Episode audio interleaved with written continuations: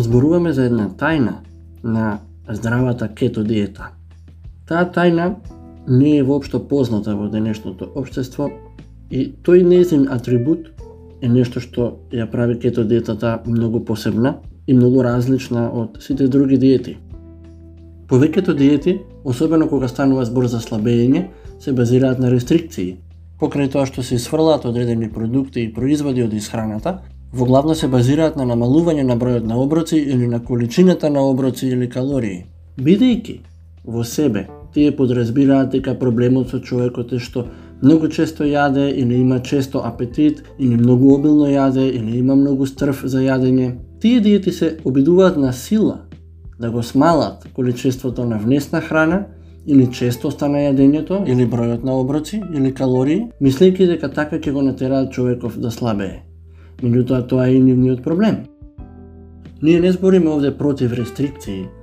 Задавањето на која било цел во животот значи задавање на одредени рестрикции, бидејќи целта да го создава патот, а патот има рабови кои што самите по себе се рестрикции.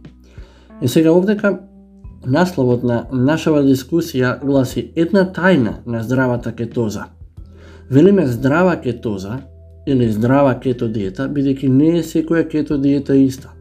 Исто како што ни секое вежбање со тежини не е исто. Кето диетата е позната од лаиците како диета за слабење. Многу авторитети кои имаат површно познавање од кето диетата ја нарекуваат диета за слабење, бидејќи најверојатно до таму стигнале во нивните пребарувања на Google. Кето диетата е исто така метод за зголемување на мускулната маса, доколку е придружена со правилно вежбање. Исто така е и метод за зголемување на хормонот за раст и жнејење на сите негови бенефити на природен начин.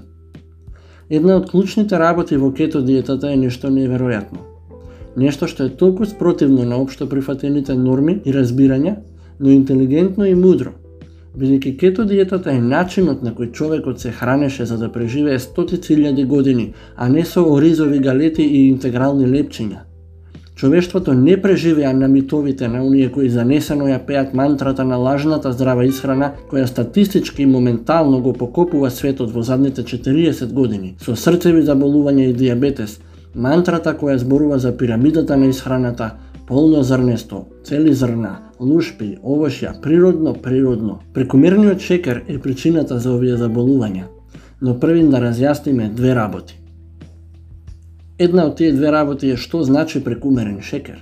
Шекерот не е само бел или кафеав шекер, туку шекерот што природно се создава во крвта по разложување на јаглехидратите од исхраната, од компирите, лебот, оризот, цели зрна, пола зрна, третина зрна, тестенини и сладки.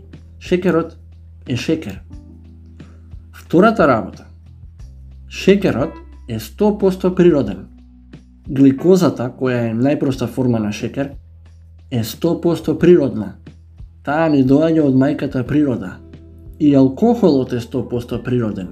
Значи зборот природно е убав и често употребуван параван за здравје. Тој збор е главна состојка на митовите што доаѓаат од оние кои што профитираат од истите. Оние кои сакаат да зависите од нив, бидејќи ако вие би јаделе правилно, тогаш тие стравуваат дека самите на крајот не би имале што да јадат.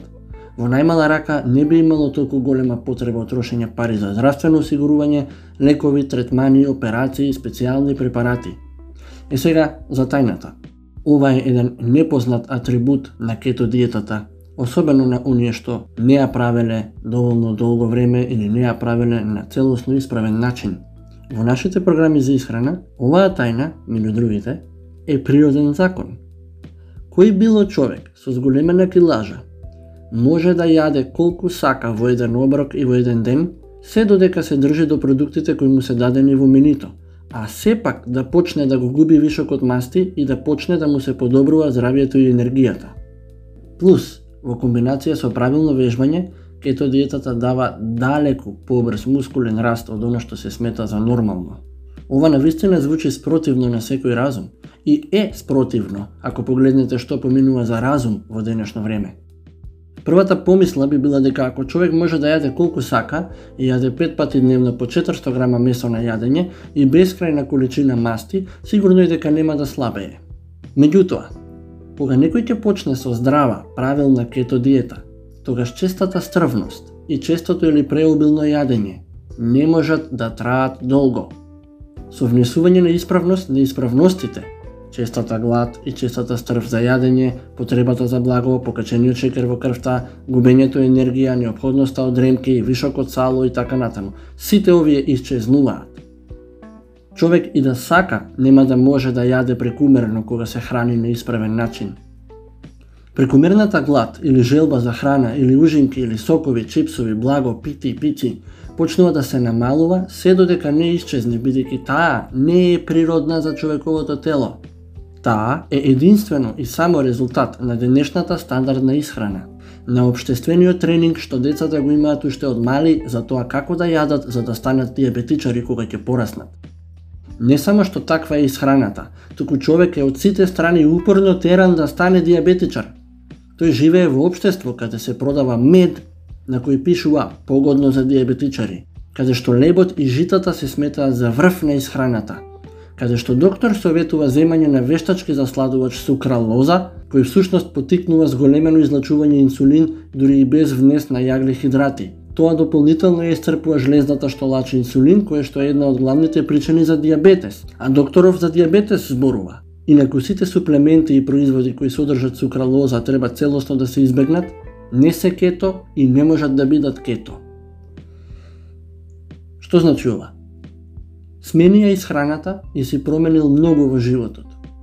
Кога се храниш на начин кој е навистина природен и исправен за телото, тогаш телото почнува да се однесува исправно. Таа исправност носи поголема енергија, побистар ум, трга магла од главата. Затоа во нашите програми на почетокот ние не браниме човек да јаде буквално колку сака, а после почетокот не, имаме потреба да браниме, бидејќи апетитот е веќе нормален и здрав, Тоа е една од почетните позиции од каде се создава понатамошниот напредок. Од таму тргнуваме напред. Битката со стрвта е една од најпрвите добиени битки.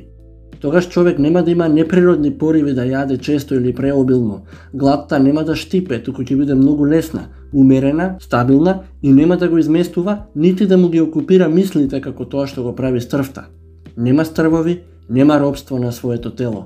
Ние сме господари на нашите тела.